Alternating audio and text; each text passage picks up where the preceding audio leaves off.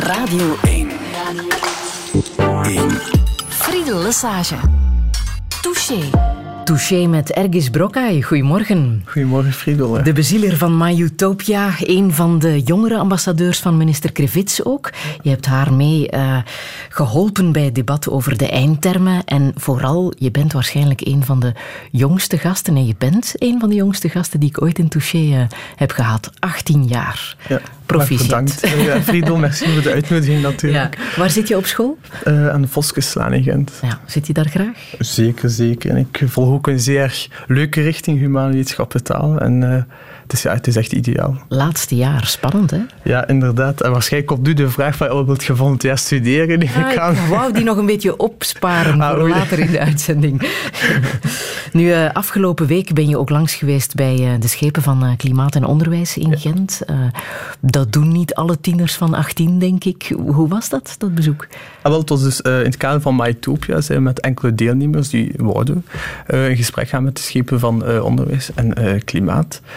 Het was eigenlijk vrij, hoe moet ik het zeggen, vrij constructief al sinds. En uh, je zag duidelijk dat, de, dat, ja, dat mijn schatjes, mijn changemakers als het ware, zich niet lieten doen. En echt wel duidelijk eisen op uh, tafel staan en zeggen van kijk, wij willen beter voor onderwijs, dat met ASO, TSO, BSO uh, worden geopwaardeerd of worden afgeschaft. Voor klimaat, dat er ja, meer kleinschalige initiatieven worden gesteund. En ja, ik moet zeggen dat ja, de politiek en de schepen in kwestie al zeer positief gereageerd hebben. Zeiden van, kijk, en dat vond ik vrij sympathiek, van... Uh, ja, kijk, we gaan proberen om in het maat van het mogelijke, want niet alles ligt binnen mijn bevoegdheden, eigenlijk dingen te gaan realiseren. Want dat is jouw grootste bezorgdheid. Hè? Iedereen zegt maar, de toekomst is aan de jeugd, maar aan de, naar de jeugd wordt veel te weinig geluisterd. Ja, luisteren is één ding en dat is superbelangrijk. Maar het werkelijk uitvoeren, dat is een ander ding. En dat is even belangrijk natuurlijk. En dat wordt vandaag de dag, naar mijn mening, veel te weinig gedaan. Ik ga alvast de volgende twee uur naar jou luisteren, Ergis. Ergis, je zegt Ergis met een R, maar je schrijft het met een N. Oh ja, dat, is een vrij grappig verhaal. Vroeger, ja, toen ik dus nog klein was, uh, noemde iedereen mij Engis, omdat dat blijkbaar makkelijker was. En uh, toen ik mijn uh, e-mailadres aangemaakt heb, dat deed ik dus inderdaad engis.brokai. Maar uh, toen kwam ik wel, dacht van ja, misschien is dat toch niet zo slim. Ik zei, het gaat toch wel ergens moeten zijn, waardoor ik dus altijd de vraag kreeg via mails en ook via vrienden van, is het nu Engis of is het nu Ergis? Maar het is daadwerkelijk Ergis en voor de vrienden Engis. Maar dus je echte naam op jouw identiteitskaart Ergis, is? is Ergis Brok, hè? Ja, spielenraadje. Hoe zou jij jezelf omschrijven? Um, een avonturier als het ware. Iemand die niet rap opgeeft en die wel uh, niet tegen onrechtvaardigheid kan. Daar heb ik een hekel aan als het ware. Aha. Ja. Mm. Um, ze noemen jou ook wel eens een, eh, een pain in the ass. Ja, ja, dat, ja, dat is inderdaad zo. En uh, zoals ik zei, iemand die doorzet, als ik zeg van kijk, dat klopt inderdaad niet of dat kan niet, dan blijf ik daar ook wel op hameren. Tot wanneer het verandert. Positief natuurlijk. En uh, ja, als ik mijn zin niet krijg, dus op ja, politiek vlak vaak, of op maatschappelijk vlak, dan ga ik dat ook wel duidelijk laten merken. En ik zeg ook altijd dat mijn mening niet gefiltreerd is. Dat is echt gewoon rechtuit. Als het niet is, dan staat me niet aan en dan zullen het ook wel weten. En met die mening ben je ook al in de krant gekomen. Hè? Want jij bent de man die ervoor gepleit hebt om meer te kunnen praten over bijvoorbeeld porno op school. en wel, dus dat was ook in het kader van uh, het eindtermdebat. En wat ik vooral merkte, allee, ik kijk ook op uh, jongere sites zoals AWEL, waarbij jongeren dus echt gewoon een mening uh, kunnen geven en uh, ook hulp vragen aan de vrijwilligers. En dan merkte, ook, dan merkte je ook wel dat uh, porno en seksualiteit ook wel aan bod kwam. En ook in het einddebat zelf kwam er ook aan bod van, ja kijk, seksueel opvoeding, dat is aan een update toe. Het zijn een beetje bejaarde termen die we op een duur moeten... Ja, ja, zeker. Ah. En het is altijd ja, hetzelfde. En wat, wat me het meest opgebleven is, is eigenlijk iemand die mij zei van, wat ik vandaag leer wat, jullie vandaag leren, heb ik ook 20, 30 jaar geleerd over seksuele opvoeding. En dat is, van, ja, dat is een beetje surreal, omdat ik zeg van, dat, dat zou toch niet mogen. En we zijn zodanig veel veranderd. En er zijn uh, nieuwe sociale fenomenen bijgekomen, zoals porno. En dat wordt dan niet besproken in de klas. En dat vind ik wel super jammer omdat in de klas het zou zonder taboes moeten gebeuren. En porno zou daarin moeten komen. Ook uh, ja, uh, homoseksualiteit en al, dat zou er ook allemaal in moeten komen. Omdat we nu eenmaal veranderd zijn. Mhm. En als je inderdaad ziet dat de jongeren vragen de partij zijn om daarover te praten, dan zeg ik gewoon, ja, doen. Ergis Brokka, ik ben nu al heel nieuwsgierig naar wat jij de volgende twee uur allemaal zal vertellen. Welkom in Touché. Super bedankt. Radio 1. Radio 1. Friedel Lesage. Touché.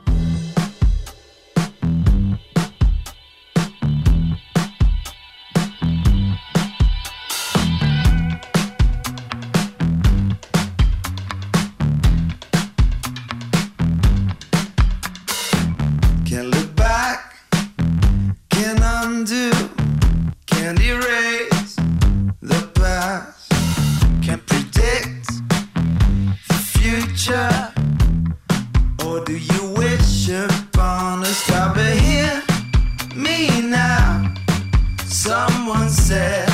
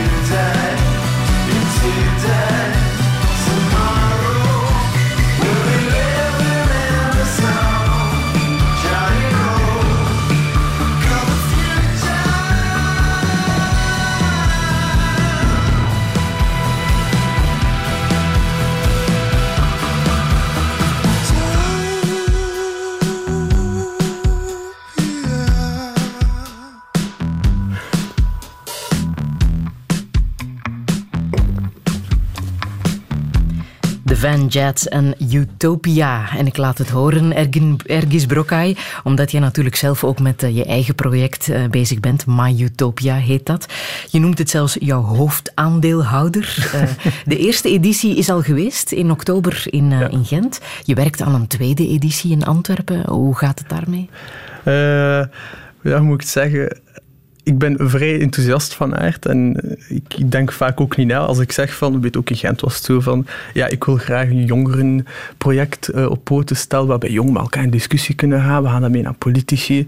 Weet wat, ik doe het gewoon en uh, ik ga het ergens in oktober doen. En hier is eigenlijk in Antwerpen juist hetzelfde gebeurd. En ik zei van maart, april, er, moet een nieuwe editie komen, omdat ik ook vooral zeg uh, dat jongeren op een uur sturen naar MyTopia op de pagina van ja, komt er eigenlijk uh, nog een editie of hoe zit dat nu juist? En dat er wel interesse was. En dat bevestigt alweer mijn stelling dat ik zeg van jongeren hebben duidelijke mening over van alles en nog wat. Maar het is eigenlijk gewoon je moet ze een platform geven, als het ware. En als je ze geen platform heeft, dan weet je ook niet wat ze willen. En dat is ook vaak ja, in discussies, bijvoorbeeld als stemrecht op, uh, voor 16, waarbij ook weet, uh, professor El een zeer mooie uiteenzetting geeft op de afspraak, waarbij ik vind dat met niet akkoord ben, maar veel respect voor uh, professor El. Dan, dan miste ik persoonlijk wel een, jonge gast of een jonge dame die aan de andere kant van tafel zei van nee meneer El dat is niet waar. En in mijn omgeving, dan mis ik al vaak. Ja. En, en ik, weet, allee, ik weet dat er jongeren zijn en in mijn omgeving al superveel als het ware. En daarbuiten nog meer als het ware. En ik weet dat er sowieso wel jongeren zijn die een stem hebben en die zich engageren voor onze maatschappij, maar dat die gewoon niet erkend worden. en maar wat heb je dan nog nodig om het in Antwerpen voor elkaar te krijgen? Er is een plan, uh, je hebt een locatie, ja. Schoon Verdiep. Schoon Verdiep, ja. ja. ja. het is nu vooral dat financieel dat, dat er moet komen. En op zich kost en dat hoeveel kost dat? Zo'n project kost op zich niet veel. Weet in Gent hebben we het voor uh, minder dan 300 euro kunnen realiseren. Meer bepaald 235. Gewoon een paar mensen nodig die zeggen ja, de deuren ja, staan open, kom maar af. Uh, voilà. Ja, Bij deze misschien. Straks bellen ze mag ik hopen. Maar de bedoeling van MyUtopia is dus ja, jongeren samen krijgen, debatteren over gespreksonderwerpen waar zij mee bezig zijn. Dat heb je ook gedaan in, uh, in Gent. Um, daar ging het uh, over drie thema's. Hè. Onderwijs, klimaatverandering en Europa. Ja. Zijn dat de drie grote thema's waar jongeren mee bezig zijn? Voor onderwijs als je, met, je moet met iedereen in gesprek gaan, iedereen gaat daar mening over hebben. Ja. Dat dan nou bij het, iedereen is ooit leerling geweest. En dan draagt je daar ook bepaalde ervaringen uit. Voor klimaat, dat is iets dat je niet kunt ontkennen als het ware. Dat, dat leeft ook wel. En vaak, ja, als je soms keer ziet van nu is het een keer zon en dan is het weer regen en dan is het weer zon dan weer, en nu sneeuwt het opeens. Dan zegt van ja, klopt dat niet volledig? Ik ga niet zeggen dat wetenschappelijk onderbouwd is wat ik nu aan het zeggen ben, maar uh, dan, dan, dat begint dan natuurlijk wel, te, uh, dat je dat wel af te vragen. En het is dan ook iets dat wij in, uh, in een verdere samenleving mee gaan te maken krijgen. -hmm. met, die klimaatveranderingen. En Europa, ik ga zeggen, dat was geen evidente zaak. Ik had zoiets van het is, het is een uitdaging, zeker Europa. Maar uh, ik zei, ja, uitdaging eh, moeilijk gaat ook natuurlijk. Dus het is een uitdaging, we gaan er gewoon voor zorgen. En het is natuurlijk ook een hot item. Iedereen spreekt nu van neergang van Europa komt en Europa dat werkt niet en Europa dit en dat. Maar eigenlijk heb ik zoiets van, kijk, weet je wat, we leggen gewoon een keer voor aan die jongeren en we zeggen van, jullie zijn de toekomst. Akkoord, hopelijk. Uh, en kijk, hoe zien jullie zelf Europa? geloof je in het project zelf? Of zeg je van nee, eigenlijk totaal niet? Maar wat ik, uit de resultaten die daaruit kwamen uit Gent, zag ik duidelijk dat de jongeren zeiden, ja, Europa, daar geloven wij in, maar er zullen natuurlijk wel deftige hervorming moeten gebeuren. Maar heb je de indruk dat uh, alle jongeren geïnteresseerd zijn in politiek? Of ben jij toch een beetje een exclusief geval? Ja, die, deze vraag krijg ik ook altijd, maar uh, ik ga niet zeggen dat iedereen uh, over iets over politiek wilt zeggen. Dat is ook bij volwassenen. Niet iedereen is daarin geïnteresseerd. Maar wat ik wel zie, is bijvoorbeeld in de omgeving. Ik heb een vriendin, Telma. En uh, zij engageert zich in de lokale Girovereniging. En zij organiseert vijfjes en dergelijke. En dat vraagt ook natuurlijk veel verantwoordelijkheid en ook veel organisatie. En naar mijn mening is dat ook wel een soort van vorm van politiek en maatschappelijk engagement. Want ik zie, mijn definitie van politiek is veel breder dan dat. Sommigen verengen het als het ware tot in het parlement uh, je, je zegje gaan doen. En dat is, nee, ik, ik zie dat veel breder. Dat is, weet, uh, in je lokale Giro-vereniging je engageren. Ik heb een andere vriendin, Anna, die zich uh, inzet voor de vrouwenrecht in onze samenleving. Iets, dat, is, dat is natuurlijk opmerkelijk en super natuurlijk. Ik ondersteun ook dat. En ik, zulke jongen probeer ik altijd bij mij te houden. ik zeg van, kijk, ik ga je wel een platform geven en als dat nu niet met mij is, is het wel met iets anders. En ja, Maar jij lijkt mij uh, wat links georiënteerd. Hè? Dat, uh, Goh, dat mag ik, ik, wel zeggen. Hè? Allee, als je ik, ik engageer mij maatschappelijk, dat zeg ik altijd. En dan is het wel moeilijk. Allee, je hebt dan sowieso een ideologie en je gelooft wel sowieso wel in iets. Maar uh, als het over Mytopia gaat, als het over het eindtermendebat gaat, dan laat ik me als het ware mijn ideologie weg. En ik zeg altijd, als het over jongeren gaat, ben ik de vertegenwoordiger van, ben, ben ik de vertegenwoordiger van de jongerenvakbond als het ware. Dan wil ik een jongerenvakbond hebben. En daar speelt een ideologie niet echt in. Het is gewoon rechten van de jongeren en mhm. beschermen voor politici voor beleidsmakers. Ja, dat is allemaal hetzelfde. Heb jij vrienden in alle politieke partijen? In alle, dat is echt van extreem links tot extreem rechts heb ik allemaal vrienden zitten. En dat, is, eh, op, dat schept veel uh, sfeer als het ware, want als het over de vluchtelingencrisis gaat, of als het over Europa gaat, komen er pittig debatten. Maar uh, dat, is, ja, dat is een beetje roepen tegen elkaar en na vijf minuten zijn ze weer aan het lachen en uh, ja, dan, dan praten we over iets en, anders. En hoe volg jij het nieuws? Want er is een tijd geweest dat mensen alleen maar radio en televisie televisie hadden. Eh, jij uh, volgt natuurlijk ook de sociale media. Um, wat is jouw belangrijkste bron? Um, als ik op Facebook scroll, inderdaad, zoals u zelf terecht aanhaalde, dan zie je ook wel een beetje jongeren die gruwelbenen uit Syrië delen en zeggen van kijk, dat, dit kan toch niet meer. Dan klikt je daar wel op. Maar weet ook, ja, uh, krantenartikels lees ik nog altijd. Mm Weliswaar online, ik ga er eerlijk over zijn. Maar daarnaast ook ja, mijn vaste bronnen. Ja, uh, het nieuws natuurlijk op tv. Allee, dan weer online, maar ja, uh, dus nieuws online. Maar ook natuurlijk duidingsprogramma's zoals de afspraak ter zake. En vandaag, ja, sowieso als ik daaruit ga straks, sta ik nog een naar ter zake gaan kijken.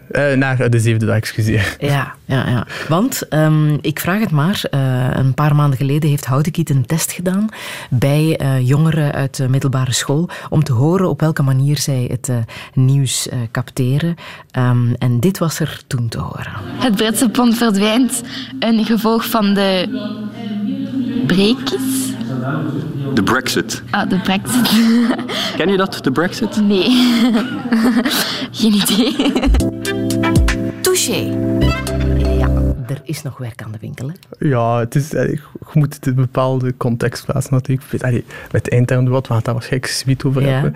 Had je mij een jaar geleden gevraagd, wat zijn eindtermen? Ik had gezegd dat ik het niet weet.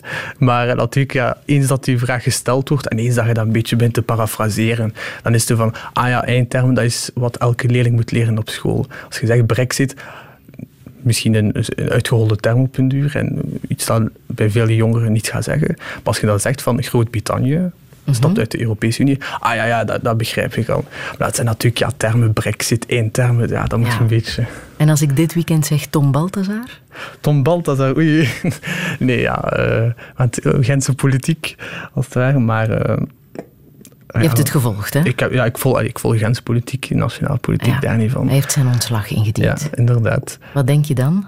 Uh, om eerlijk te zijn, kijk, ik ben, ik ben een jonge gast van 18 en ik geloof persoonlijk in de politiek die vooral kan brengen.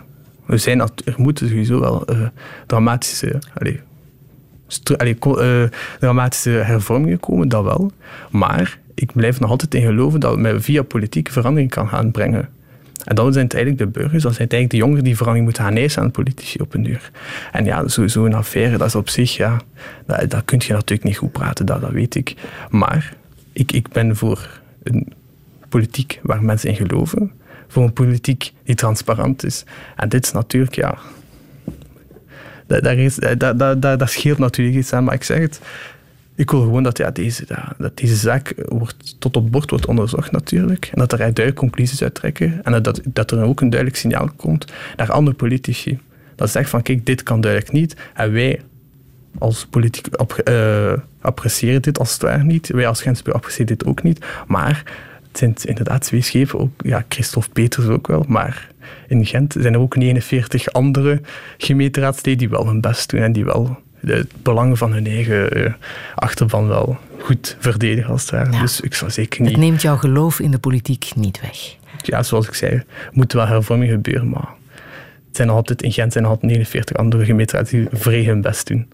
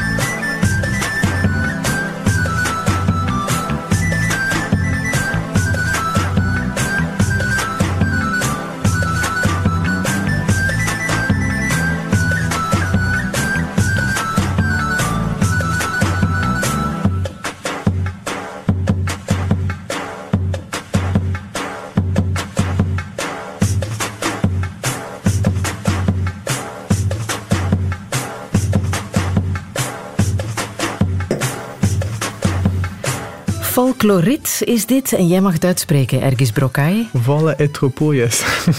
Met een uh, Albanese accent, hè? Ja, absoluut. Waarom heb je dit gekozen? Waarom wou je dit laten horen? Uh, allez, ik ben Albanees, in hart en nier als het ware. En uh, ja, zoiets, als ik, als ik naar zo'n muziek luister, typisch traditioneel Albanese muziek, dan, dan voel je dat ook wel. Dan, dan krijg je zo'n beetje uh, kippenvel. Dus van ja, dan, dan weet je, ja, ik, ik heb toch Albanees bloed in mij en dat is ook wel. En ja, ik weet niet, dat, dat, dat denk ik altijd terug in Albanië, weet, als ik op reis ga. En dan zie je die mooie landschappen die daar zijn. En ik ja, dat, dat is een soort van... Uh, hoe moet ik zeggen? Het is, het is, het is een, ik kan het niet uit beschrijven, maar het is, het is een enorm gevoel. En vaak ook, ja, als Albanië in de media komt, dan krijgt vaak een achtergrondmuziek dat niet uit Albanië komt. En dan zie je bij ons van, ah nee, dat is toch geen Albanese muziek. en ik dacht, kijk, misschien een keer uh, van de gelegenheid. En deze muziek komt uit een bepaalde streek, Ja, hè? dit komt dus uit Tropoja. Ik, ik kom vooral zekerheid uit Skodra, maar ik vond het wel... Het klinkt naar mijn mening wel mooi. En, uh, ik dacht, Weten de mensen trouwens waar Albanië ligt? Uh, ik hoop het. nee, dus ja, Albanië. Tegenover de hak van uh, Italië, hè? Ja, inderdaad. Westen van de Balkan. En mooie kusten en dergelijke. Ja, ja, ik heb de plek even opgezocht. Prachtige, idyllische beelden. Inderdaad niet het beeld dat mensen hebben, denk ik, van Albanië. Nee, dat, dat vind ik ook wel zo'n beetje jammer. Allee, bij vrienden, als ik zeg van, ja, ik ben een Albanees. Wow, Albanees. En uh, zit hij bij de maffia nou? En allee, dat is een beetje, ja, moet, ik klaag daar altijd een beetje, ja, ik zit bij de maffia en zo. En uh, ik vind dat niet zo erg. Maar ik, vind, ik zou ook wel graag willen dat er bijvoorbeeld bij volwassenen ook, die daar eigenlijk veel serieuzer mee omgaan, ze hebben Albanië, maffia en dingen en dingen. Dat ik zeg van, dat ik daar ook een soort van andere beeld wil creëren. Zoals, wat is het positieve beeld dat je zou willen uitdragen over Albanië? Ja, ik kom uit Skodra dus. En wat, wat me altijd zo positief opgevallen is, is dat weet hier in het centrum van Skoda en dat je een, uh, een Rooms-Katholieke kerk hebt, daar een orthodoxe kerk en daar heb je een moskee. En ik zeg van wauw, kijk, en die, gemeenschappen kunnen perfect met elkaar leven. En dat is, daar, daar voel je geen tegenstrijd in elkaar. Zo van de katholiek kan tegen de moslim zeggen van hey, goeiedag, alles goed, gaan we eens samen een koffietje aandrinken. En dan is het gewoon een vraag van kijk, eigenlijk kan het wel. Mensen kunnen, desondanks hun religieuze overtuiging, wel met elkaar samenleven. samenleven. En het is gewoon, ja. En ik weet ook dat dat in België kan. En, en, ja. en van waar komt die perceptie dan? Dat Albanië een maffialand is? Oh ja, uh, ja, persoonlijk vond ik... Uh, documentaire van Tom Waas, allee, bij Reizen Waas, dat hij zei van Albanië. En dan dat begon het als het ware met, met iemand die helemaal aan de stoel, stoel vastgebonden zat, geblinddoekt. En ja, een, een, duidelijke verwijs naar, naar de maffia als het ware. Maar ey, zoals ik ook daarnet zei, Albanië is niet enkel maffia. Albanië is ook een land met prachtige landschappen. Mhm. Mm -hmm. Met ook natuurlijk die religieuze acceptatie, dat je eigenlijk kunt zijn wie dat je wilt. Ah. En dat vind ik zo het mooie aan. En, dan vind ik, en ik hoe, vind vaak, zo, hoe vaak kom jij er nog? Ja, ik probeer elk jaar in de zon vakantie te gaan. Ja. Daar heb je nog familie? Ja, ik heb daar zeker echt een groot deel van mijn familie zit daar nog. Ja. En hoe zijn je ouders naar hier gekomen? Uh, ja, ze zijn eigenlijk naar hier gevlucht uh, toen ik vijf maanden oud was. En uh, dus hebben, hebben hun houden daar achtergelaten, ook hun familie. En, en waarom zijn ze gevlucht? Ja, uh, als je een beetje de geschiedenis in terugkijkt, dan zie je ook wel dat uh, ja, de jaren 90 in de Balkan die echt troebele jaren waren. Weet wel, in de jaren 92, als ik me niet vergis, de Bosnische oorlog. Dan ook in de jaren 98, oorlog in Kosovo. En ja, toevallig ligt Skoda helemaal het noorden van Albanië. Dus vrij dicht bij Kosovo en al. En dan die spanningen, dat kent geen grenzen als het ware. Dus dat, dat zet zich ook voort. En Albanese en dat zijn broeders als, als het ware van elkaar. Die zouden van elkaar opkomen en dergelijke. En dat is dan ook gebeurd. Maar... Uh, en dan zie ook wel dat die spanningen overgekomen zijn. Dat was van, ja, dit is niet meer houdbaar. En ik, we zijn bij vier kinderen thuis, drie zussen. En dan is echt van, ja, ik het persoonlijk als ouder ook zeggen van kijk, dit kan niet en hier kan ik toch niet mijn kinderen mee opgroeien. En dan zijn ze naar hier komen. Met de vier kinderen? En wel, dus ik was vijf maanden oud. Ik, had dan, ik heb nog twee oudere zussen. En dan nog één kleinere zus die hier in België is geboren. Armela, ja. ja. En wat doen je ouders? Uh, mijn vader is gemeentearbeider en mijn mama is uh, deeltijds huisvrouw en deeltijds uh, huisvrouw. Ja. En hoe gaat het er bij jullie thuis aan toe? Wordt daar veel gediscussieerd over politiek? Veel te veel, veel te veel. Het is, altijd, ja, het is altijd aan tafel een uh, variëteit aan onderwerpen. Dat kan gaan, want mijn, mijn twee zussen zitten in geneeskunde als het ware. Het kan gaan van ethische dilemma's binnen de geneeskunde. Dat kan gaan over de brexit. En ja, soms kan dat echt wel uh, hevig gaan toegaan. Dat, van, dat kan toch niet? En eigenlijk een beetje heftiger dan in het parlement vaak. Maar... Uh, op een ja, het komt altijd, er is altijd de conclusie van daar, we zijn met zes dus, uh, drie voor en drie tegen. En ja, op een ronde discussie. Democratische discussies. Voilà, altijd. Ja, met welke normen en waarden uh, word je opgevoed? Ah, wel, zoals ik ook daarnet zei, van, mijn ouders zijn doorzetters als het ware. En, uh, het zijn mensen die, ook, die ons ook op... Mijn ouders hebben ook altijd in, mijn zus en mij gezegd van je moet hard werken in het leven. Als je niet hard werkt, dus ook niet veel bereiken.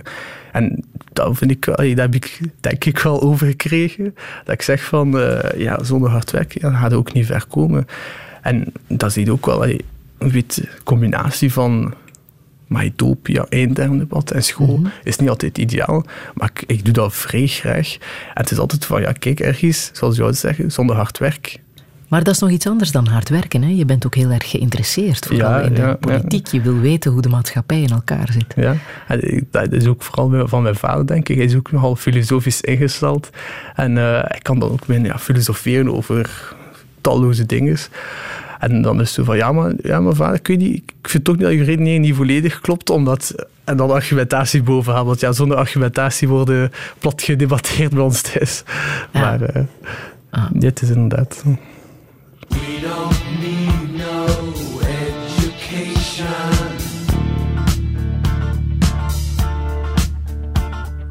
We don't need no thought control.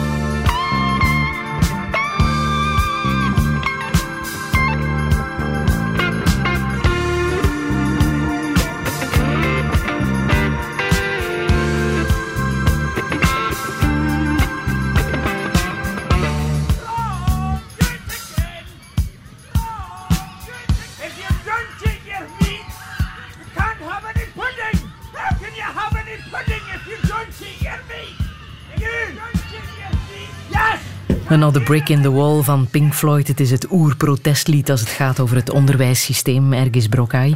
Jij was een van de tien jongere ambassadeurs die minister Krevits mocht adviseren in eh, het participatieproject van Leresbelang.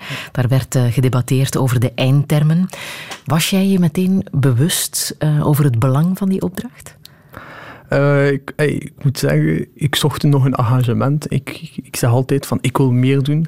Als ik naar het nieuws kijk, dan, dan zie je de VMI-serie tegenwoordig. En dan zeg ik van, ik wil iets veranderen, iets positiefs veranderen. En toen, dan zie je daar eh, een oproep van de Vlaamse scholierkoepel zien van ja, wij zoeken tien jongere ambassadeurs. Ah, jonge ambassadeur, dat lijkt me wel wijs. Het gaat over onderwijs, zeker. En dan heb ik me ja, goed mijn kandidaat gesteld. En uh, ik, ik had eerlijk gezegd niet verwacht dat het zo groot ging zijn. Want via die ploeg van tien heb je uiteindelijk 17.000 uh, jongeren kunnen consulteren. Hè? Ja, ja, het zijn natuurlijk... Allee, uh, het zijn natuurlijk de jongeren die het onderwijs maken, de, de, de scholieren. En -hmm. inderdaad, 17.000 scholieren die hun mening hebben gegeven over wat moet nu elke leerling op school leren.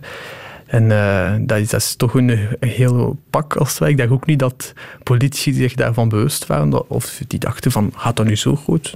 Waarschijnlijk van niet. Maar het is inderdaad wel vrij verspreid geweest. Weet ook op mijn school alleen dan heb ik in samenwerking met de leerkrachten meer dan duizend scholieren kunnen ja. bevragen. Je hebt daar een aantal maanden aan gewerkt, ja. hard gewerkt. Ja, de scholieren uh, ook. en in oktober was er het uh, eindrapport in verband met uh, de eindterpen. Wat was jullie grootste en belangrijkste conclusie? Um, allee, we hebben dus zes clusters gehad. En um, wat, wat mij persoonlijk, want zijn alle zes even belangrijk natuurlijk. Wat me persoonlijk wel opgevallen is, is natuurlijk die uh, solidariteit en die verdraagzaamheid waar jongeren naar snakken, als het ware. We zien daar veel onverdraagzaamheid op nieuws van uh, mensen die elkaar pijn doen, als het ware. Ook over racisme en discriminatie. Maar dat zei van, ja, hoeft dat nu eigenlijk? Hoeft dat eigenlijk allemaal, al, al die miserie over waar hij in gelooft, dat doet het toch niet meer. Dus het is toch meer het mens dat ons moet interesseren. En dan zijn ze ook wel duidelijk van, wij willen inderdaad meer in aanraking komen met andere culturen, andere religies. En dan gewoon een keer verstaan, bijvoorbeeld, waarom een moslim aan hoofddoek draagt. En dat ja, er, daar meer over leren ja, op school. dat was toch een van de uh, grote punten. Als ja. en dan gaat het over het vak uh, moraal of godsdienst, of wat volg jij zelf? Uh, ik volg zedeleer, ja. ja, ja. En hoe zien jullie dat dan? Hoe, hoe zou je dat dan op school willen leren? Oh ja, wij, wij, wij, hebben vooral op de vraag gewerkt wat, wat moeten de scholieren leren en niet op de vraag van hoe moeten ze het leren. Dus hoe, dat laten wij... Allee, als, ja. als de politie dat willen, waarover, denk ik wel, uh, waar, is dat wel, een van de thema's. Kunt, ja, wel, dat, ja. dat zeker. Maar hoe dat we het doen, daar, daar kunnen we over discussiëren en debatteren. Maar daar, daar staan we ook open voor de, oproep aan politici, als, uh, mocht je daar meer zitten.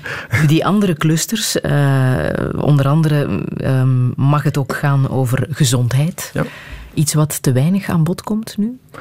Uh, je hebt wel inderdaad wel discussies tegenwoordig over ja, frisdranken bannen uit uh, scholen en dergelijke.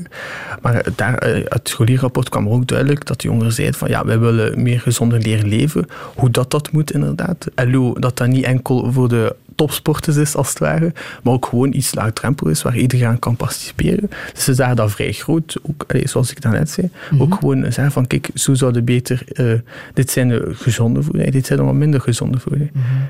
Een andere cluster was um, dat jullie uh, ook willen leren hoe je mentaal in evenwicht kan ja, ja. blijven. En allee, tegenwoordig, en ik merk dat in de klas ook wel, er is een enorme werkdruk. Mm -hmm je hoort vaak van, ik moet morgen twee toetsen leren, maar ik moet vanavond nog een keer naar de voetbal. Dat echt wel indruk maakt op jongeren. Maar er is natuurlijk ook een grote prestatiedruk. Waarbij jongens zeggen van, ja, ik moet toch wel van mijn ouders een 8 op 10 halen. Of, of, ik, of ze gaan boos zijn als het ware. En dan merk je ook wel dat dat, dat, dat inderdaad een soort van stress daarop komt. Van, kijk, jij moet presteren, maar pas op, je moet ook nog een keer je hobby's behouden. En waardoor jongeren ook vaak in burn-out en depressies terechtkomen. En daar is gewoon veel te groot taboe voor. En ik ben een persoon die zegt van taboes weg ermee. Die mm -hmm. houden onze mm -hmm. maatschappelijke ontwikkeling tegen. En ik wil dat gewoon veel bespreekbaarder maken. Dat jongeren gewoon kunnen zeggen van, goh, ik voel me toch niet wel goed. En dergelijke voor vrienden of in de klas. En dat daar gewoon geen drama wordt gemaakt. Ja, en dat falen mag. Dat Je mag falen. eens slechte punten hebben. Ja, zeker, zeker. En allee, ik persoonlijk leer het meeste uit mijn fout, als het ware. Dat klinkt ja. zeer cliché, maar dat is het echt wel. Dan zeg je van, kijk, ja, ik heb deze fout gemaakt. Waarom? Omdat ik zo'n redenering volgde. En misschien de redenering die juist is, dat, dat, allee, dat is veel beter als het ware. En, en slechte punten, weegt dat? Zou dat anders moeten bekeken worden? Ja, het is, allee, het onderwijs zelf is er zijn veel goede dingen. Ik, dit wil ik toch wel uh, onderstrepen. Er zijn veel goede dingen in het onderwijs. Maar er zijn ook dingen die wel minder goed gaan. En dat is inderdaad ja, die, die, cijfer, die cijfercultuur die er opeens is van 8 op 10, 5 op 10, ja, een kantje, boordje, 6, goed, 3, ja, je zijn, de, zijn mislukkeling als het ware. Dus dat, dat zou ik persoonlijk dat ook wel weg willen. En dat je eigenlijk naar een soort van alternatief kunt gaan. Uh, dat je zegt van, oké, okay, je hebt daar een fout gemaakt, dat is geen probleem, maar we gaan een keer samen uitzoeken hoe dat we dat kunnen verbeteren, als het ware. Dat ze niet worden gebrand als van veel, als het ware. Dat Er zou ook meer moeten uitgegaan worden van uh, eigen kracht. Want elke jongere heeft talent en die talenten komen misschien niet altijd in een of ander vak uh, aan bod. Hè? Ja, dat is ook wel. En uh, het is ook vooral die talent gaan ontwikkelen in het onderwijs. Ik doe nu humane, maar weet ik ben echt een ramp in wiskunde, ik ga het zo zeggen. maar ik ben wel, allee, in cultuurwetenschappen en gedragswetenschap interesseert mij enorm. Ik heb ook goede leerkrachten. Maar uh, ik zal bijvoorbeeld meer daarop willen, daarin willen investeren, ook in geschiedenis. En dat interesseert me ook wel. In taal, dat interesseert me op weet Engels, Frans, Nederlands interesseert me ook wel. Maar dat wordt dan veel te weinig. Allee, voor mij wordt er dan veel te weinig aandacht op gegeven. En dat is dan die keuzevrijheid tussen vakken, daar jongeren, waar jongeren ook, ook in het interne debat komt daarvoor, waar jongeren zijn van wij willen daar meer zeg op hebben. Dat er niet een soort van basis is van kijk, je doet deze richting. Als er niet aan staat, doe een ander. Als er daar ook niet aan staat, ja, Waardoor we eigenlijk ook vaak jongen krijgen die examencommissie gaan volgen. Of jongen krijgen die zeggen van weet wat, ik stop ermee. En ik, ik maak altijd de vergelijking met als er in een bedrijf werknemers weggaan, en massaal als het ware, dan, is, dan dat scheelt er iets met je bedrijf. Maar in ons onderwijs gaan er ook jongeren weg. Dan scheelt, er ook, iets met, het onderwijs. En dat we daar echt een deftig debat op eh, moeten voeren. Mhm. Wordt er genoeg gepraat over wat na de school? ja, ja, ah, wel school, eh, dat, wordt, eh, allez, dat, is, dat is ook een soort van verenging op hun duur. Het is echt wel acht uur, zeven, acht uur op school en daarna kun je doen wat je wilt. Maar, maar, dan bedoel ik, als je 18 bent en je gaat verder studeren of je gaat werken, heb je het gevoel dat daar aandacht aan besteed wordt? Eh, wat je met je verdere leven kan gaan doen? Ja, ja. Nu, in mijn klas wordt dat wel humanis wordt daar wel veel aandacht aan geschonken. Van kijk, wat kun je allemaal doen? Maar bijvoorbeeld, we zijn aan Sedinbeurs geweest en daar is de bedoeling natuurlijk dat je minder keuze hebt, dat je concreter gaat. Maar ik krijg daar juist meer keuzes uit. Dus dat, er is enorme... Ja, je kunt uit veel richtingen kiezen als je wilt verder studeren, als het ware. Maar... Uh, ja, ik weet niet, je hebt ook nog altijd jongen die zeggen van ja, ik weet het toch niet en die dan toch nog een van richting veranderen in het hoger. En dan vind ik, ja, dan, dan, dan is er ook iets dat je zegt van ja, misschien is dat toch niet zo formidabel als dat we het laten uitschijnen. Ja, Onze, en je wil natuurlijk ook dat er uh, meer over taboes uh, wordt gesproken. Dat die taboes de deur uitgaan. Uh, want ik zei het bij het begin al, hè, jij bent die ene kerel die pleit voor meer praten over porno op school. Um, dat vind je echt noodzakelijk dat daar kan over gepraat worden? Maar het, zoals u terecht aanhaalt, taboes weg. Echt. Ik heb daar een hekel aan, ik heb een hekel aan taboes. Maar weet, ja, inderdaad, seksualiteit, zoals ik daarnet ook aanhaalde, het is, het is vrij verouderd. En uh, we leren altijd hetzelfde als mensen vroeger. En het is altijd een soort van bundeltje dat ik krijg, dat, dat de leerkracht zegt van leert allemaal, maar dan heb daar een toets over. Maar daar gaat het niet meer om. Zo werkt het en seksualiteit is veel, veel breder geworden. En er zijn meer sociaal veel meer gekomen, zoals inderdaad porno. En ook ja, homoseksualiteit. Waar dat, maar wat wil je daar dan over leren, over porno? Ah, wel, het is vooral eigenlijk... Ik ga nu niet een pleidooi houden tegen porno of een pleidooi voor porno, daar laat ik het midden. Maar het is vooral die correcte informatie die ik wil verschaffen. Want porno, als je het nu wilt of niet, het merendeel van de jongen dat kijkt daarnaar. En op zich vind ik dat geen schande, want het zijn inderdaad prikkels die je zoekt. Als uh, jonge gast of jonge dame kan ook. En als je, eh, dan gaat, gaat, gaat dat dus op zoek naar. En als dat nu via porno gebeurt, en als je daar ja, tevreden bij voelt, ja, dan is dat maar zo. Dat je wel die correcte informatie meekrijgt, wat er concreet mee gebeurt. Mhm. En, waar de grens ligt, wat aanvaardbaar is? En... Uh, wel, ja, ik ben iemand die voor vrijheid pleit als het Dus ik ga niet zeggen van hier ligt de grens en dat moet eh, onderwezen worden. Ik zeg van de grens moet jongeren zelf zoeken waar, waar, waar het is. Maar dat gewoon dat die correcte informatie is. En daar wil ik echt van pleidooi voor houden. Als het over porno en seksualiteit gaat, moet er meer naar correcte informatie gaan. Want alleen, naar mijn mening hebben jongeren daar toch wel recht op. Ja. De Morgen heeft dit weekend een bijlage over de genderrevolutie. Is dat iets dat ook op school wordt uh, besproken? Of ook te weinig? Te, te, weinig tot niet. Mm -hmm. Zoals ik ook daarnet zei, met homoseksualiteit. En ja, de Morgen geeft daar een perfect voorbeeld aan, de genderrevolutie. Ze willen ook natuurlijk dat dat veel bespreekbaar wordt, want het is ook veel, een veel te groot taboe op een duur. En weet, ja, jongeren uh, die dan weet, ja, die dat weten op meisjes die op meisjes vallen, op jongens die op jongens vallen, dat er ook een beetje veel te hysterisch over wordt gedaan en dat er op een duur een heksenjacht is. En dat we echt een keer onderwijzen van kijk, op zich, dat is toch niet, niet abnormaal. Dat, dat, is, dat moet je toch gewoon aanvaarden, jongens op jongens vallen, meisjes op meisjes.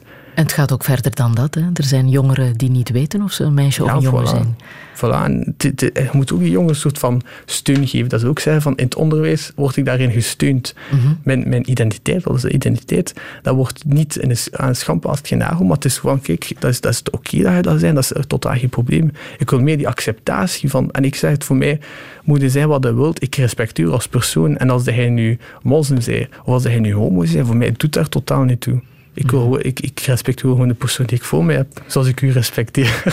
Heb je het gevoel dat er naar jou wordt geluisterd? Uh, dat Hilde Krevits naar jou luistert? Goh, het, is niet nodig dat mevrouw Krevits naar mij luistert. Het is vooral nodig dat uh, mevrouw Krevits naar de scholieren luistert, naar de leerkrachten luistert, naar de ouders luistert. En gebeurt dat voldoende? Um, ah, wel, als we het over onderwijshervorming hebben, is daar een grote participatieproject aan vooraf geweest. Maar is daar veel te weinig rekening mee gehouden. Scholieren, ouders, leerkrachten gepleit voor afschaffing van ASO, TSO en dergelijke, maar dat is er niet gekomen. dat blijft bestaan. Dat blijft bestaan. En dan ziet je ook wel, dat was ook een media-hets als het ware, van vakbonden eh, tot uh, scholierenkoepels die zeggen van ja, we zijn daar toch in teleurgesteld. En dan is het gewoon de vraag van, wat doen we ermee? Als je, als je natuurlijk de meningen vraagt, is het dan best dat je daar ook rekening mee houdt. Als je zegt van we gaan de mening vragen waar je geen rekening mee houden, vraag het dan gewoon niet. En dat is... Het is nog eventjes, hè? het zou doorgaan vanaf 1 eh, september 2018. Dus je kan misschien nog wel even gaan aankloppen. Ja, wel, dat zeker, maar het is ook een beetje met het interne debat dat nou aan mijn hart ligt, allee, onderwijs op zich, maar dat ik ook met persoonlijk wel zorgen maak. En dat ik zeg van, het zijn 17.000 scholieren die daar echt wel moeite voor gedaan hebben en die echt over nagedacht hebben en echt een, naar mijn mening, een subliem rapport neergelegd hebben aan commissie onderwijs. En dat wil ik ook wel zeggen van, aan de commissieleden onderwijs en de minister Krevits van hou daar zeker rekening mee. Want als je de stem van 17.000 scholieren negeert, dan zijn dat teleurgestelde jongeren. Jongeren die zeggen van, ja, ons stem telt totaal niet. Die misschien niet meer geloven in politiek. Die misschien ook niet geloven in het onderwijs, omdat die onderwijs voor hun is, maar meer onderwijs voor politici zelf.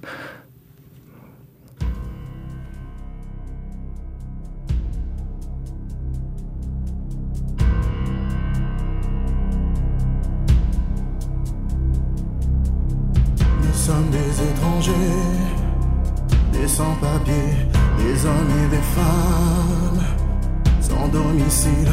Oh Notre-Dame, et nous te demandons asile, asile.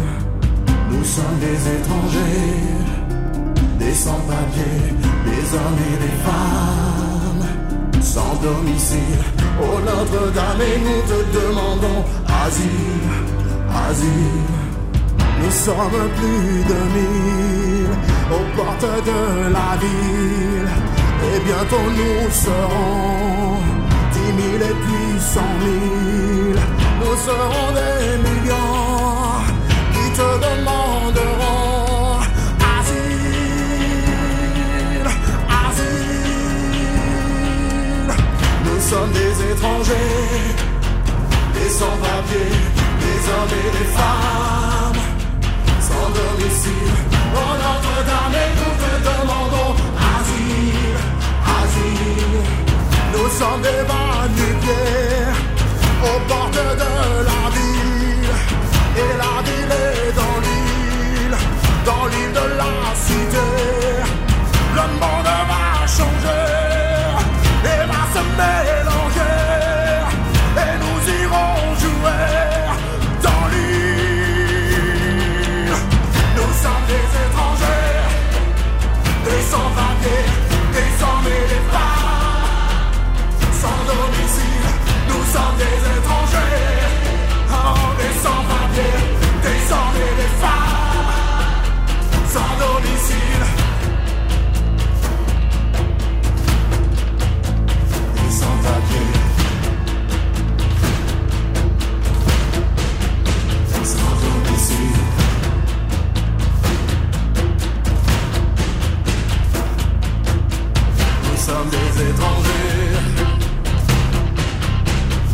sans papier, des hommes et des femmes. Sans domicile, nous sommes des étrangers. Des sans papier, nous sommes des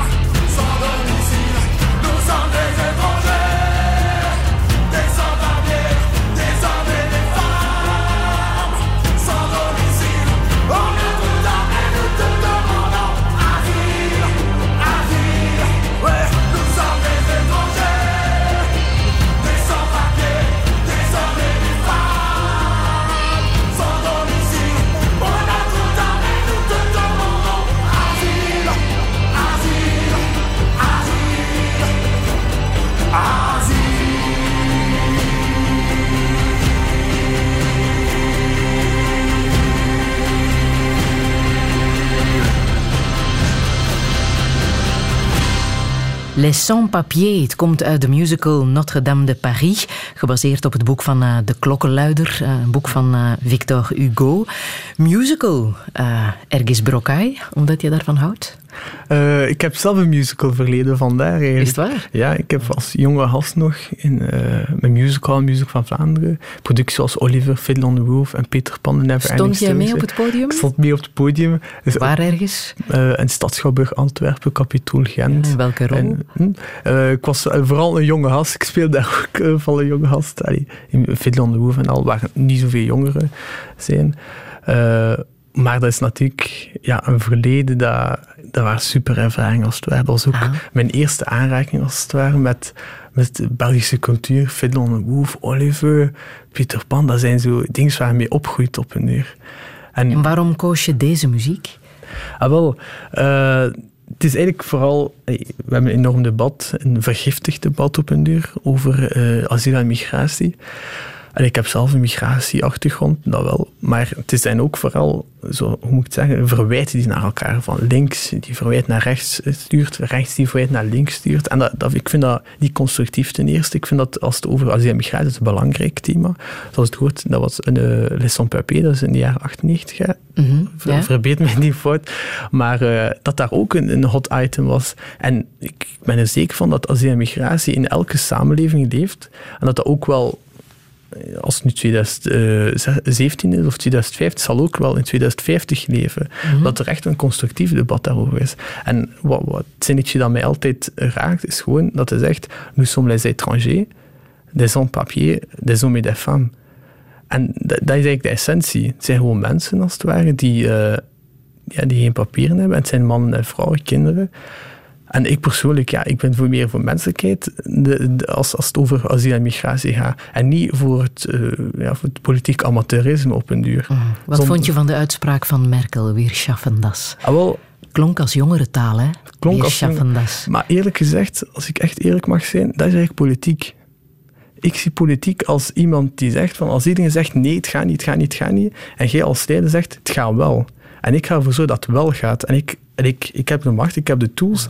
En ik ga ervoor zorgen dat, dat het een mooi einde gaat hebben. En dat vond ik zo, zo, allez, zo pakkend op een uur. En dat is eigenlijk van Merkel, dat is toch wel een echte leider. Mm. In mijn ogen is dat ook eh, een vrouw die deze eeuw, de 21ste eeuw, toch wel getekend heeft. Met vier schaffendas, wij gaan dat doen. En tegenstanders mochten tegen zijn, maar ik ga ervoor zorgen dat dat wel werkt. En misschien hebben wij meer melkers nodig, op, ook op verschillende vlakken. Hoor. Ik heb nog muziek klaarstaan uit eh, de film Hotel Rwanda. Ja, ja. Een uh, van de films die jou het meeste heeft uh, geraakt over de genocide van 1994. Hoe oud was jij toen je de film zag? Uh, om heel eerlijk te zijn, ik denk rond 10, 11 jaar zoiets. Ja. En maakte het toen al indruk? Had je toen, al door waar het precies over ging? Eh, wel, het was eigenlijk uh, op een avond. Mijn ouders waren naar aan het kijken. Je kent dat wel. Ik wil zo'n beetje verstoppen, zodat mijn ouders niet zouden weten dat ik dan op ben. Maar toen, ja, toen ik die beelden zag, dat was het van, wow, wat is hier allemaal aan het gebeuren? En eerst is dat zoiets dat je zegt van, dat kan toch niet? Maar uiteindelijk ben je toch wel te zien van, oei, dat is toch wel werkelijkheid precies. En ja, nu ben ik een beetje ouder en ik ben een beetje aan het bekijken van wat er nu concreet gebeurd, genocide in Rwanda. En dan zeg je van, dat, dat kan toch niet en dat zou toch niet mogen... Uh, zoiets wil ik niet meemaken, zeker niet in de volgende generaties. En dat moet echt met al middelen gewoon tegengestreden worden. Maar wat zien we dan een beetje later? We zien dan een burgeroorlog in Syrië. is ook wel een beetje van hetzelfde kaliber. Bosnische oorlog, Kosovaarse oorlog. En dat ik me gewoon de vraag stel, ik noem mij nu naïef en dergelijke, maar hebben we dan niets geleerd uit het verleden? En daar vraag ik me ook gewoon af van in hoeverre moeten er nog meer slachtoffers vallen voordat politieke leiders hun verantwoordelijkheid nemen? In hoeverre moet conflict als het ware escaleren? Die vraag stel ik me altijd.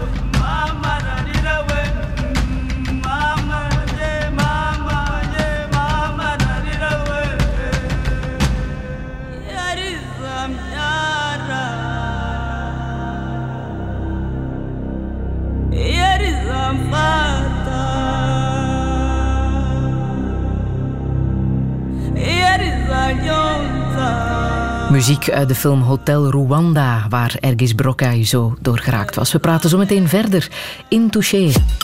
Radio 1. Radio 1. Friedel Lesage. Touché. Touché vandaag met Ergis Brokai, 18 jaar en helemaal klaar om de jeugd warm te maken voor politiek.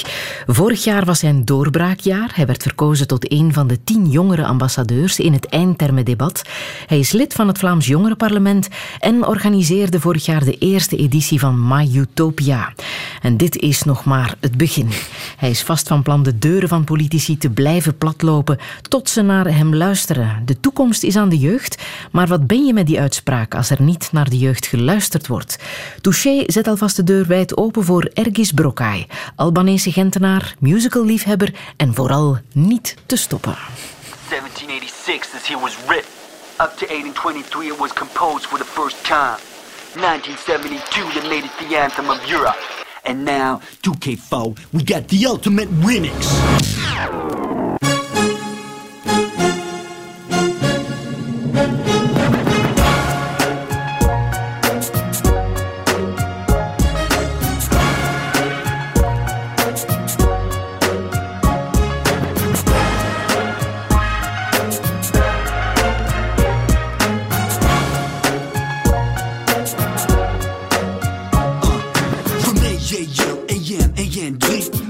D-I-H-T-R to A-Z D-K-C-Y-C-Z-C-H-D S-U-F-N F-L G-D-G-O G-R-H-R H-M-E I-I-R-L I-S-L-L-T And the M-K to L-V M-N-N-O P-L to slow B H-S-R-M-N-S-K-V-G laughing are a song be by me. Cause I got this dream and 100 million to be. One Europe, one place, one family.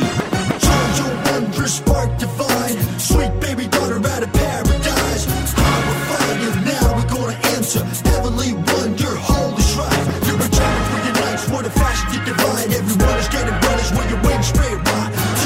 You coming, you're the destiny. So let us all unite eternally. This is a truly historic occasion. Nous avons triomphé. There's been so many wars and hate throughout time. Been so many feuds and prejudiced minds. Been so much oppression and been so much pain. Decades of imbecility. That's a shame. But now we are new. Now we are free. The rightful kids of ancient history. Peace to the nations. We are all friends. One day we're gonna be one and it never. For over 50 years now we've been standing as one. The most exciting thing that we have just begun. From Schiller to Beethoven, take it from me. We are one Europe, one family.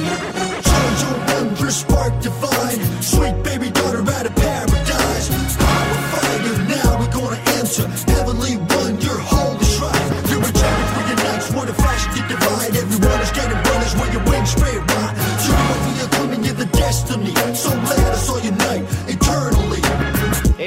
Travail tend vers une époque de paix, de prospérité, de plénitude. Es bedeutet viel. Die Form eines echten Zusammenschlusses zu finden. Democratic institution on this ancient continent of Europe. Spark divine, sweet baby daughter out of paradise. Power fire now, we're gonna enter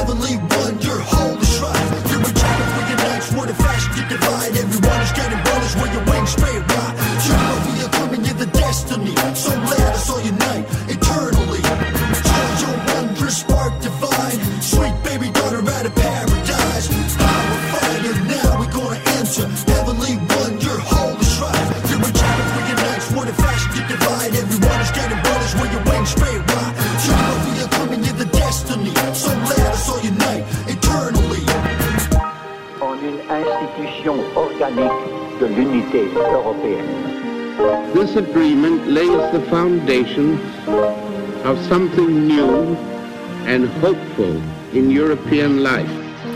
Beethoven zal het niet erg vinden dat dit is gemaakt van zijn ode aan die Freud. Het is voor de goede zaak, de Europese hymne. Hier in hip-hop versie van Florian Muller. One Europe, One Place, One Family. Ik dacht, dit past wel bij Ergens Brokai. nu, de Europese hymne werd van de week ook gezongen uh, door uh, de Schotse parlementsleden in het Britse Lagerhuis bij de stemming voor de wet op de Brexit. En dat klonk daar toen zo. Oh, oh, oh. Order! Touché. Het gezang werd gestopt door de voorzitter van het Lagerhuis. Uh, maar stel, uh, Ergis Brokai, dat jij daar zat in het Britse Lagerhuis. Had jij dan meegezongen? Ik had zeker meegezongen. Luidkeels zelfs. Ja, ja, want je bent echt een grote voorstander van Europa. Wat bijzonder is als je 18 bent, mm -hmm. denk ik. Wat kan Europa betekenen voor de jongeren van jouw generatie? Ah, wel, ik kom dus uit Albanië. Albanese geloven daar in Europa. Dat zijn echt eurofielen als het ware. Ze geloven daar enorm in. En als je zegt van wat heeft Europa jongeren vandaag nog te bieden? Dat is een grote lijst. Dat is ten eerste vrede. Sinds dat Europa is, hebben we jaren vrede gekend. Wie kan er nu eigenlijk tegen vrede zijn? Dat is enkel de vraag die ik me stel. En natuurlijk, ja, om het een beetje, ja, zoals, zoals u ook zei, één familie als het ware. Samen staat ook inderdaad sterker, maar er is ook natuurlijk ruimte voor soevereine staten. Allemaal goed en wel. Als er, er is nu een debat van Europa, dat werkt niet. Europa zou moeten verdwijnen. Daar kan over gediscussieerd worden.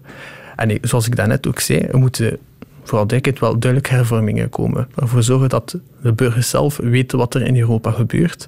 Dat Europa ook meer zich bezighoudt met wat de burgers zelf willen. Want ook uit Maetopia was, was, was er een uh, jonge dame die direct zei tegen mij van ja, maar ergens Europa, dat is super interessant en al, maar ik weet eerlijk gezegd, ik weet daar niet echt veel over. En dat illustreert dan ook wel, naar mijn mening, hoe ver Europa vaak van de burgers staat. Maar daarvoor wil ik het kind met badwater niet weggooien. Dat is eigenlijk van, weet wat, daar werken we aan. Oké, okay, dan zorgen we ervoor dat het burgers wel weet wat, de, wat, uh, wat Europa juist inhoudt, wie dat daarin zetelt en wat, wat voor vruchten dat als het ware meebrengt voor ons. En leer je daar genoeg over op school? Uh, ah, wel, dus ik doe humanen en uh, daar hebben we echt vorige semester bijvoorbeeld hebben wij heel het semester rond politiek uh, gestudeerd en Europa kwam daar niet echt aan bod eerlijk gezegd. Nee? En dat is wel jammer. Mm. Want, de brexit?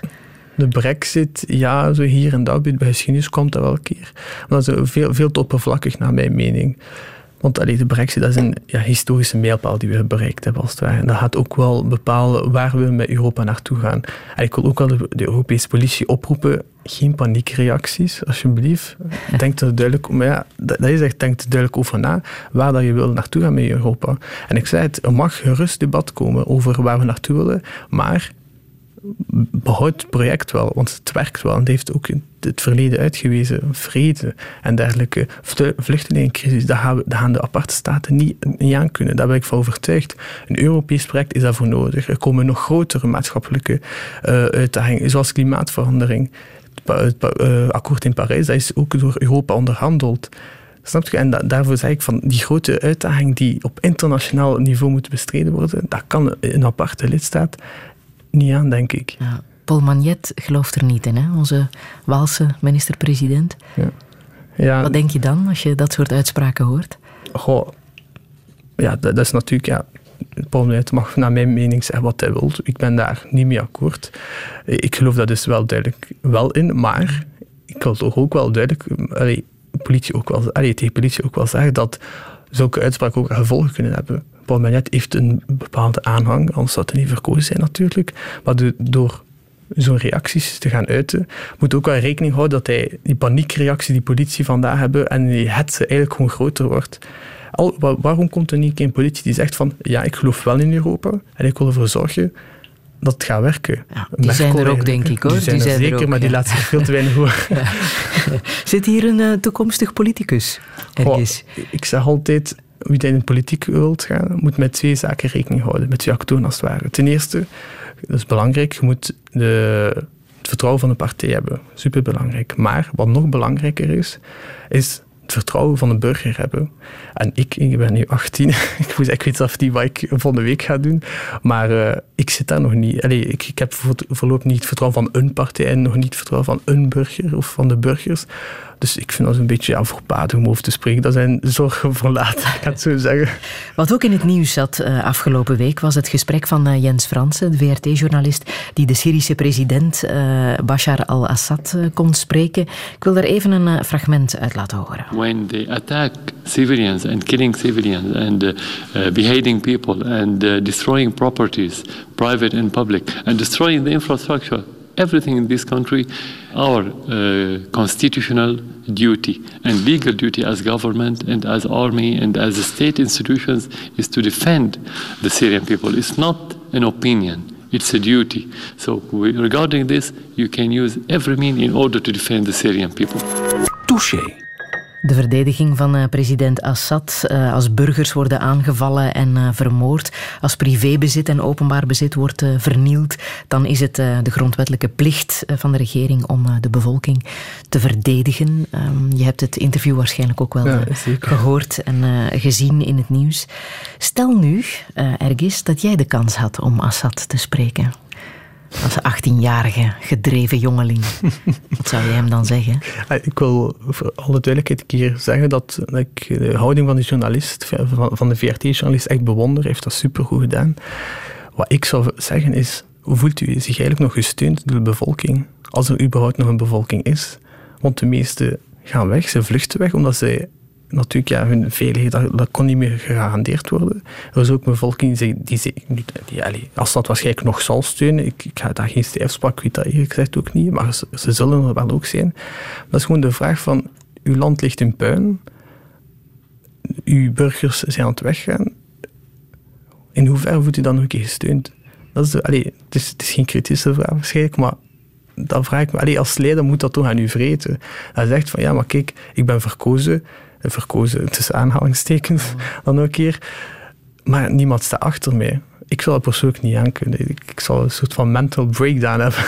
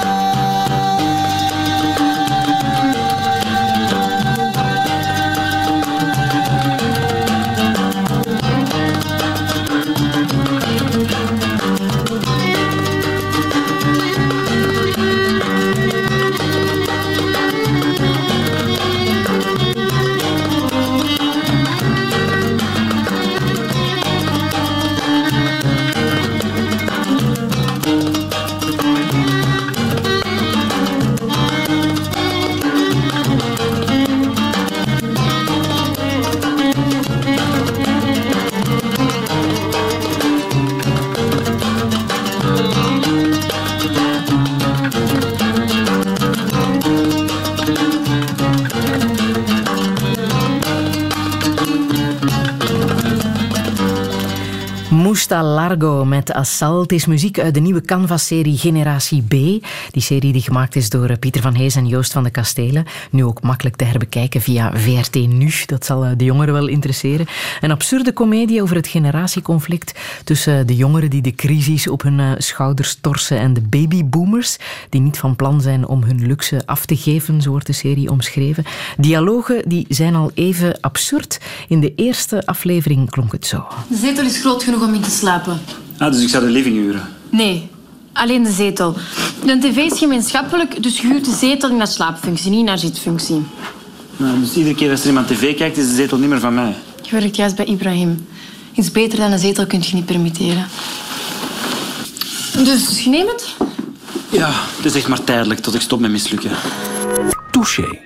Ergis Brokka, je hebt gekeken hè, naar Generatie B. Absoluut, en veel Was het herkenbaar? Het gaat over jouw generatie. Ja, ik, ik moet zeggen, ik vond het grappig, maar ook eng. Realistisch eng. Ja? Ik, ik, allee, ik, ik- het, waren veel problemen. Problemen die werden aangehaald, waren problemen waar inderdaad jongeren mee te kampen krijgen. Ja. Dat is inderdaad jeugdwerkloosheid. Er is nog altijd allee, een groot, groot aantal jongeren die zelf geen werk vindt, die eigenlijk van kasken naar de muur worden gestuurd, die eigenlijk van die kleine jobjes moeten aannemen om eigenlijk gewoon de dag te gaan overleven. Die niet kunnen nadenken over de, hun toekomst, omdat ze zelf niet weten als ze, als ze even, even, allee, überhaupt morgen een job hebben, als ze morgen zullen overleven. En dat is toch wel opmerkelijk, vind ik. Dat ik allee, en vandaar dat ik daar ook een fan ben van deze serie, van Generatie B. Omdat hij daar echt zo, zonder taboe gewoon weergeeft. Van kijk, dat gebeurt er. En zoals ook ja, de, de hoofdpersonage zei van, ik ga in de zetel slapen tot wanneer ik stop met mislukken. Wauw, toen zei ik inderdaad van, ja, zo voel ik mij ook inderdaad. Je mocht op een duur niet mislukken. En een soort van druk dat daarop komt om die jongeren van, kijk, je moet niet mislukken, je hebt geen werk. Je dan- moet al perfect zijn op je perfect 18e. zijn, inderdaad. En dan stel ik me gewoon de vraag van, ja, waar gaan we naartoe als het ware?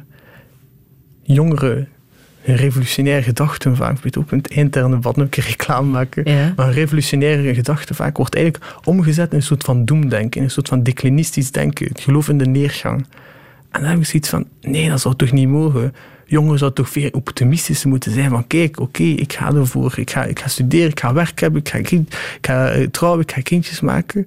Zo, allee, dat het is nu vrij conservatief gesteld, hè, maar, maar eh, zo moeten jongeren verder gaan denken, echt optimistischer. Maar als ze nu zeggen van, ja, en ik ga, weet, ik merk het ook al in mijn klas en bij mijn vriendengroepen, die zeggen van, ja, ik ga to- to- later toch geen werk hebben, ja, ik doe beetje humaan. En d- allee, de, werkkansen of de arbeidsmarkt, dat is niet zo gunstig voor ons.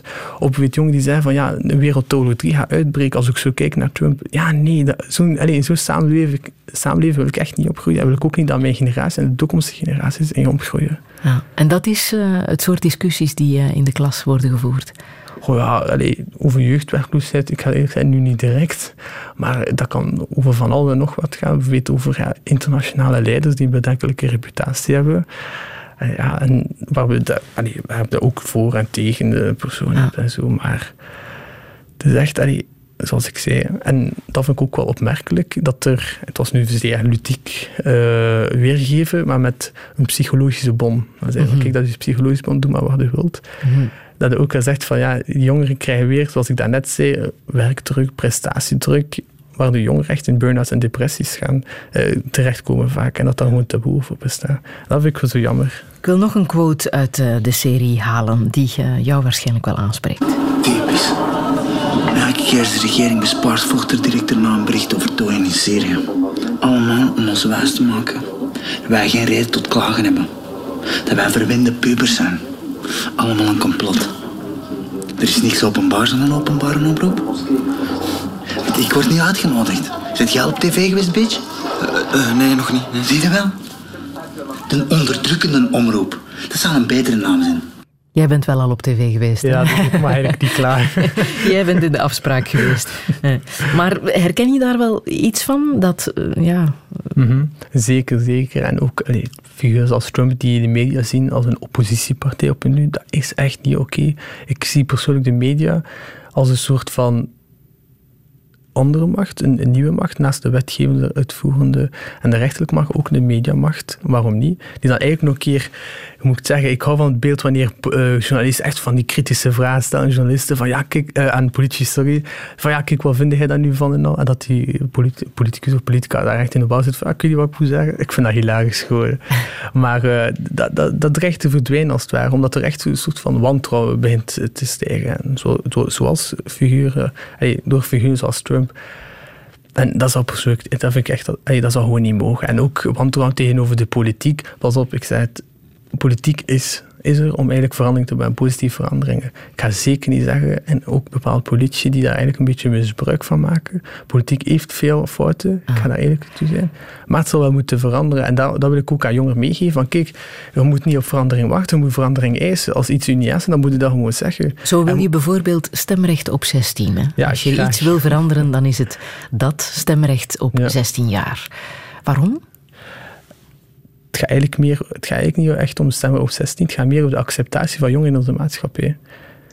Om gehoord te worden. Om gehoord te worden. En in hoeverre, ik vind het een beetje erg dat wij nog een keer een discussie moeten hebben om een bepaalde groep in onze samenleving een recht toe te kennen.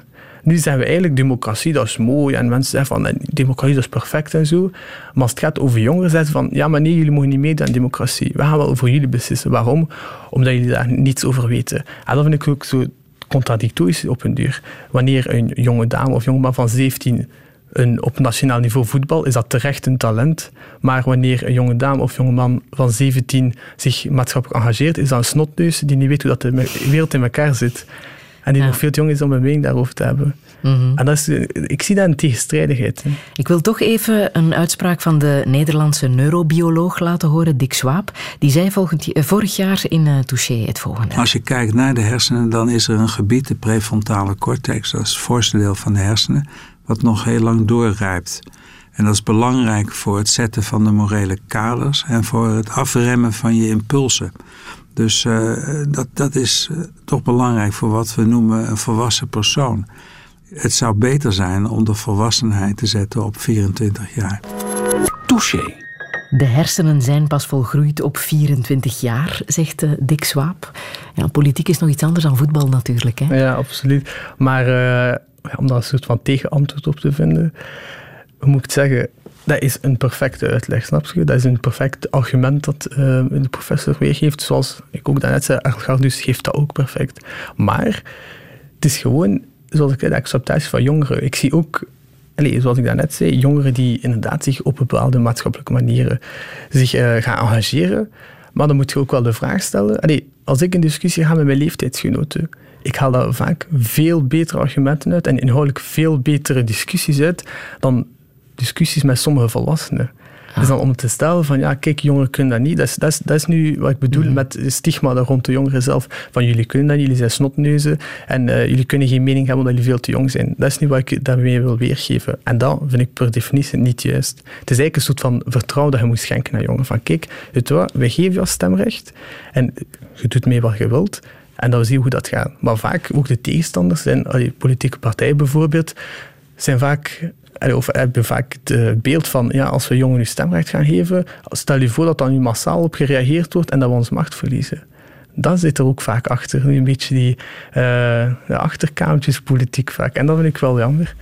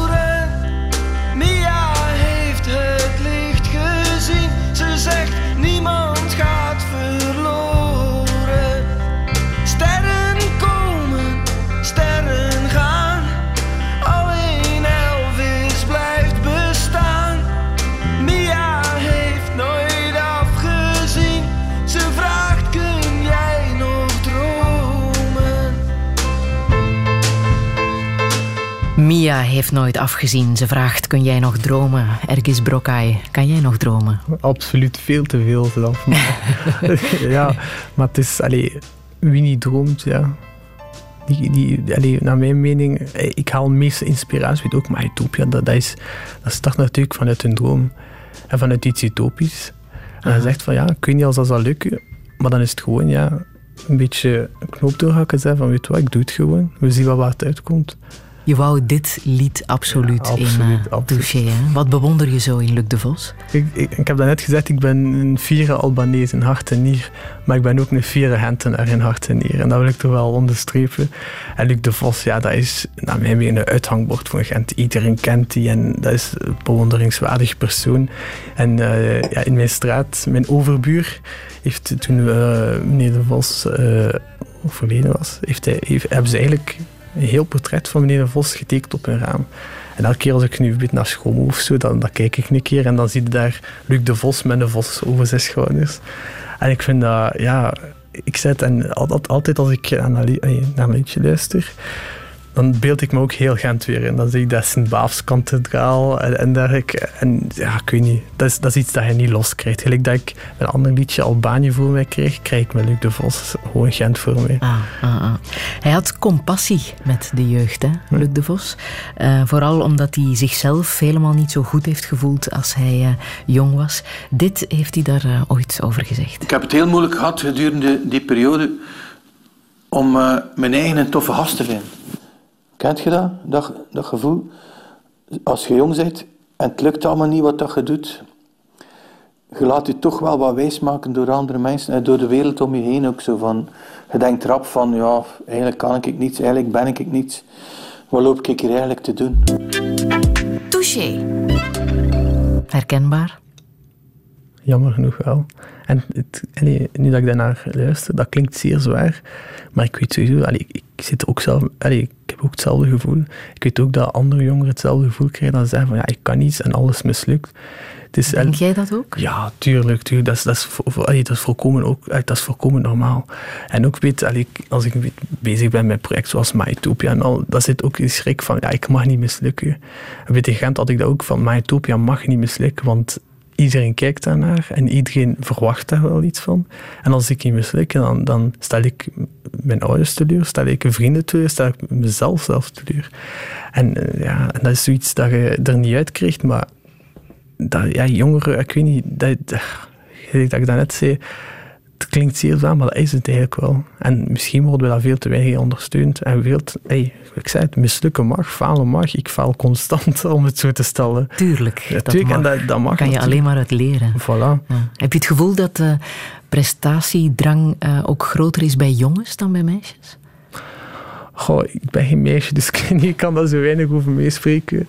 Maar eh, ik moet dat een beetje arbitrair zijn. Ik neem aan, allee, ik, zeg ja, ik, ik denk dat dat Er wordt misschien is. meer verwacht van jongens. Ja, maar van meisjes ook tegenwoordig. Mhm. Je mocht, je mocht eh, de positie van vrouwen in onze samenleving zeker niet onderschatten. We hebben een zeer waardevolle positie. En ik vind ook wel dat daar eh, soms veel te neerbuigend over wordt gedaan. Dus ik, allee, als ik, ik heb drie zussen en ik, ik weet ook wel dat zij ook met die prestaties zitten. Van ja, ik moet je presteren, ik moet je punten halen. Dus ik, ik, ik weet, ik weet, allee, ben ervan overtuigd dat ik niet meer stress heb dan hun. Dus ik denk dat ze zelf meer stress hebben dan mij. Heb jij mensen in de omgeving tegen wie dat je kan zeggen, het lukt even niet? Ja, ja zeker. En allee, ik zei het, ik wil taboes doorbreken. En soms doe ik dat ook wel thuis. En ik heb echt een moment dat ik gewoon tegen mijn ouders zeg van het lukt even niet. En pff, het, is, het, is, het zit mij gewoon tot hier. Eh, Ik, ik heb veel te veel te doen voor school en dan ook in mijn projecten die ik heb. En het lukt echt niet meer. En het is belangrijk dat, dat, eh, dat jongeren daar ook bij iemand terecht kunnen. En daarom vind ik ook, ja, jonge platforms als Alwel en Jak en al, die daar jongeren luisterend oor bieden, vrij belangrijk. Dat die eigenlijk meer ondersteund moeten worden. Mhm. Je hebt jammer genoeg de film van eh Fien Trog nog niet Ja, gezien. inderdaad, inderdaad. Over jongeren die eh, ja, het spoor kwijt zijn. Eh, die ja, een slecht contact hebben met hun, eh, hun ouders, met de volwassenen, die verkeerd worden begrepen. Ehm, voel jij dat in de klas, dat er jongeren zijn die, die ehm, niet gehoord worden, echt geen, misschien ook geen thuis hebben waar ze hun verhaal echt eerlijk en oprecht kunnen vertellen? Mhm. Ja, dat is ook wel zo. Maar ik heb ook allee, buiten mijn klas ook nog vrienden en dat merk je ook wel. Of weet wat ik dan ook direct zeg. Ik probeer hen dan zo goed mogelijk te helpen. Maar uh, er zijn daar ook natuurlijk mensen die daar professioneel mee bezig zijn. Dan zeg ik ook van, kijk, als er iets is, je kunt bij al wel terecht. Maar als er beetje iets op school is, echt van het lukt echt niet meer. Je hebt daar ook fantastische leerlingbegeleiders. Je hebt daar ook uh, CLB en al die daar echt voor openstaan. Geloof mij, ik kan het enkel aanraden. Mm. Jongeren moeten gewoon veel meer de weg vinden naar die professionele hulpverlening. Maar ook bij elkaar. Want soms helpt gewoon een tof gesprek met elkaar. Snap je? Jongeren, allez, of mensen in het algemeen, is niet altijd op zoek naar advies. Soms hebben ze gewoon een luisterend oor nodig. En het is belangrijk dat we daar ook ja, gehoor aan geven. Mm. Ik wel soms bij vrienden die zeggen van het lukt even niet. Ja. Luc de Vos, waar jij zo'n fan uh, van bent, uh, die vond gehoor in, uh, in zijn geloof. Die was erg gelovig. Hè? Ging regelmatig naar de Sint-Baafs-kathedraal in Gent. Hij kende ook het evangelie. En dit is de zin die hem uit het evangelie zo bezig hield. Jezus, als hij aan het kruis hangt, vraagt hij aan zijn vader... Waarom heb je mij verlaten? Op dat moment, het is bijna pijnlijk om het te moeten zeggen, maar het staat gewoon in het evangelie, twijfelt aan zijn vader en ook aan zijn eigen. Dat maakt hem natuurlijk zeer, zeer menselijk. Touché. Ben jij bang voor het moment dat je het echt allemaal alleen zal moeten doen, zonder de steun van thuis, zonder de steun van de school? Ja, ja dat is Alleen voor volgend jaar. Ik, ik heb al gezegd, ik wil niet op kot gaan. Ik ben er niet voor, klaar voor. Nee? Ja, dus, allee, ik ben ook zo'n beetje een mama's kindje, dus ik zal mijn ouders veel te hard missen. Ja, het is niet slim van mij dat ik dat nu zeg. nee, nee. Dat mag. Dat is wel te lachen. Nee, maar uh, om, allee, om te, te, hebben over geloven bij jongeren, ja. Soms wordt dat veel te ook, dat is eigenlijk ook een bepaald stigma. Rond op het duur moet niet meer geloven. Weet als ze moslim zijn, een goede moslim is een moslim die geen moslim is tegenwoordig. Dat vind zo jammer, want religie, en dat is, ook, dat is ook met de geschiedenis zo geëvolueerd, is iets waar mensen gaan vastklampen. Een soort van mensbeeld geeft, een soort van wereldbeeld geeft.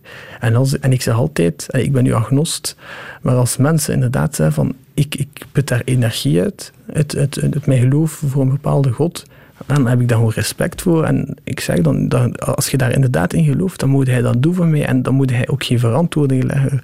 Ik geloof persoonlijk ook wel dat er iets is. En waarschijnlijk zijn er nu veel mensen aan het lachen. Maar ik geloof echt wel dat er iets is boven, maar ik weet gewoon niet wat. En dat is gewoon vaak ook door die stigma die er is rond bepaalde religies. nu ben je agnost, maar ben je met een bepaald geloof opgevoed? Goh, nee mijn ouders zijn ook, ik denk dat ze ook wel agnost slash vrijzinnig, ik weet niet, ja, ze hebben mij nooit een religie opgelegd. opgelegd. Het was altijd zo van, kijk, doe maar. En dat vond ik wel zo bewonderenswaardig, omdat je ook een soort van je eigen weg in vindt. En je hoort dat en je hoort dit. En uiteindelijk, en je weet, ik ben nu agnost, en uiteindelijk vind je een soort van ja, een beeld en zegt van ja, ik kan me daar wel achter vinden. Mhm. En dat is belangrijk. Maar dan vind ik dat ook, dat daar respect voor, over, allee, dat daar respect voor moet opleveren. Want dat is iets dat een persoon vast, dat een soort van pilaar als het ware. En als je die pilaar weghaalt, dan dreigt ook te vallen heel de constructie. En dat mogen we niet doen. Mhm. Je wil meer inzetten op burgerschap. Burgerschap is absoluut is ook, is ook belangrijk natuurlijk. En op zich, ja, inzetten op burgerschap. Ik heb dan net enkele voorbeelden gegeven. Jongeren engageren zich al ja. Dat, dat is het probleem niet. Maar het is dan ook gewoon, ja, burgerschap, hoe definieer je het? Ik definieer het weer al vrij ruim. En dat is inderdaad, dat zit ook religie in samenleven met elkaar. Iets dat, waar volwassenen misschien wel in falen, maar waar ik, waar ik wel van overtuigd ben dat jongeren daar niet noodzakelijk in falen. Ik zie veel meer verdraagzaamheid onder, bij jongeren zelf. Ja? Op welke manier? Waaraan merk je dat? Maar het is ook gewoon als we over religie bezig zijn, of als wij bepaalde sketches zien in de klas, of iets anders, over mensen die tegen elkaar opgezet worden, of bij geschiedenis was nu recent uh, dat wij het conflict Israël-Palestina zien hadden, dat we zeiden van, allee, dat hoeft toch allemaal niet, en je kunt toch geen vrede met elkaar leven. Zo'n reacties kregen vaak. En mensen die echt boos waren als je zag dat bepaalde partijen daar echt veel te radicaal in gingen en veel, te, veel hun eigen belang gingen uh, gaan verdedigen. Dan zeiden gewoon van, kijk, je moet er gewoon leren samenleven en vrede, ja, waar kun je daar nu tegen hebben? En vandaar ik zeg, misschien uh, falen volwassenen daar wel in, maar jongeren, ik geef ze een kans en ik denk wel dat dat wel lukt. Mm -hmm. Jij hebt er hoop op. Ik heb er zeker hoop op. hoop doet leven.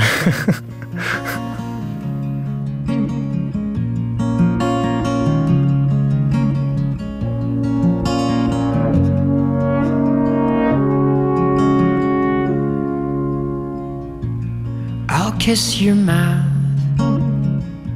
and swallow you home Been hone in my claim like an old phone denier. Wayward and skinny for dust in the moon from that honing water coming down. Out of our way now, we're going for gold. Been honed in our claim, old phony niners. Out of the city and into this room from that holy water coming down on you and me. Water coming down.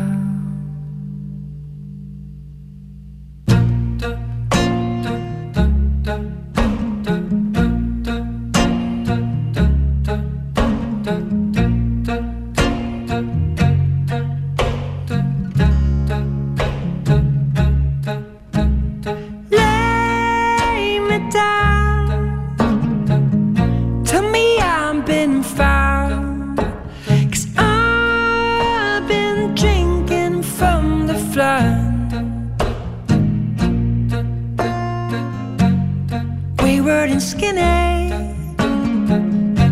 For dust in the wound. From that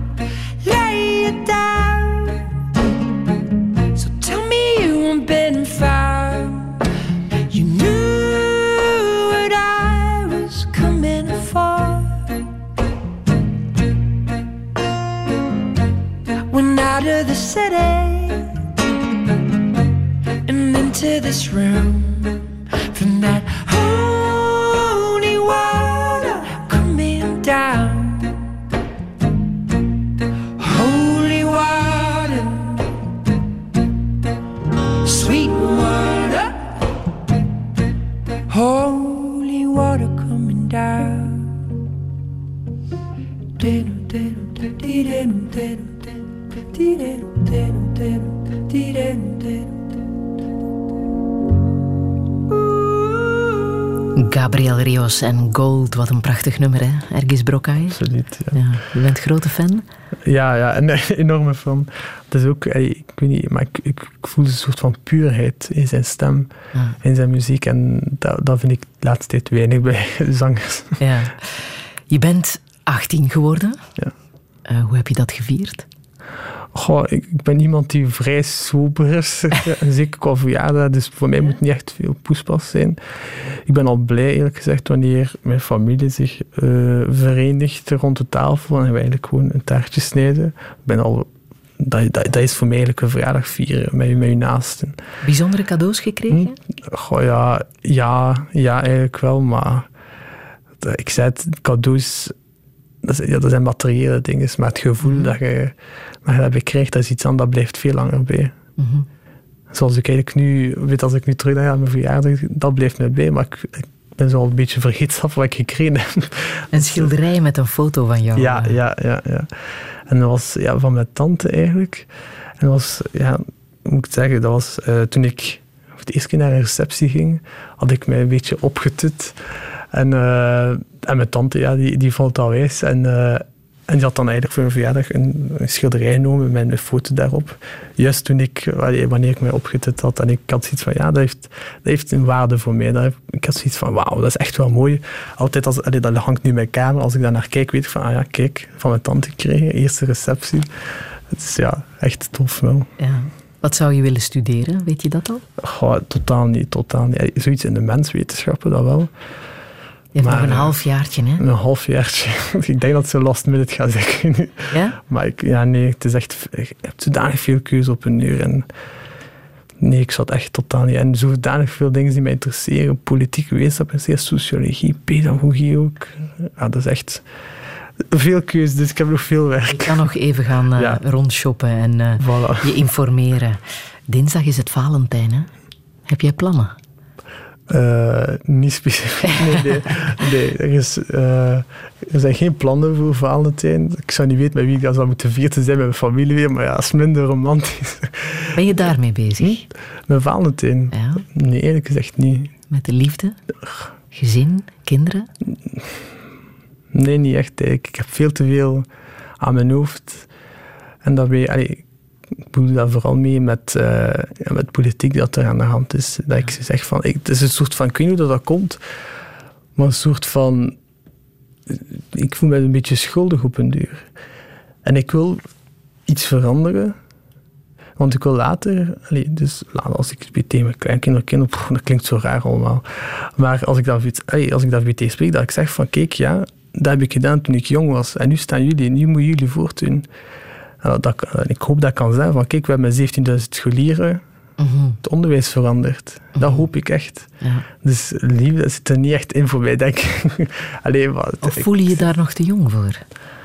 Goh, te jong. Je bent nooit te jong om voor lief te zijn, daar niet van. Maar ik ben voorlopig nog niemand tegengekomen dat ik zeg van, oh, nee, ik weet niet dat het komt. Ja. ja. Welke boodschap zou je hier nog willen meegeven? Het klinkt misschien super cliché, maar dialoog.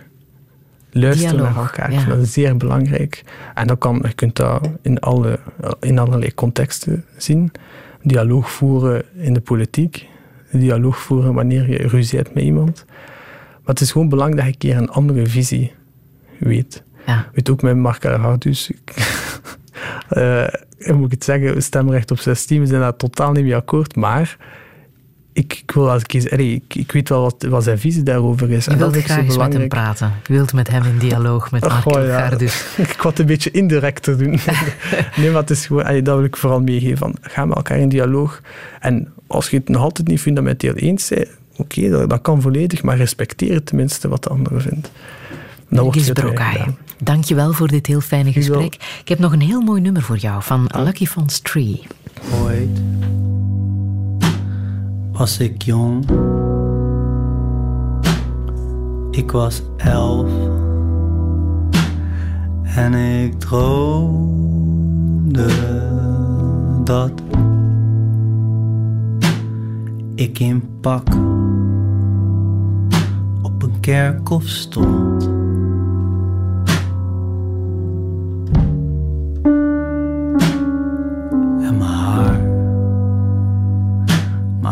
Lang. Net zo lang als het later werd. En ik stond naast een man. En ik sprak tot mezelf. Hier ligt een man die niet weet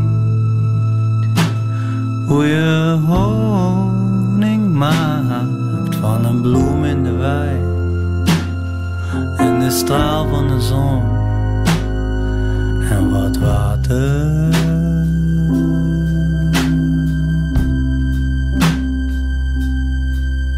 Maar ik,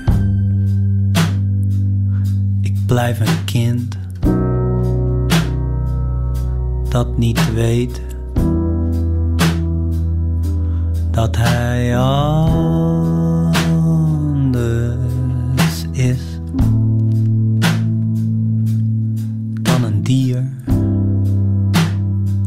of een steen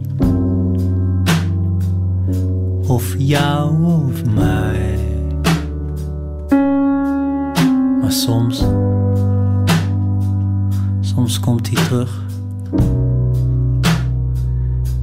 Diezelfde man. Staat hij naast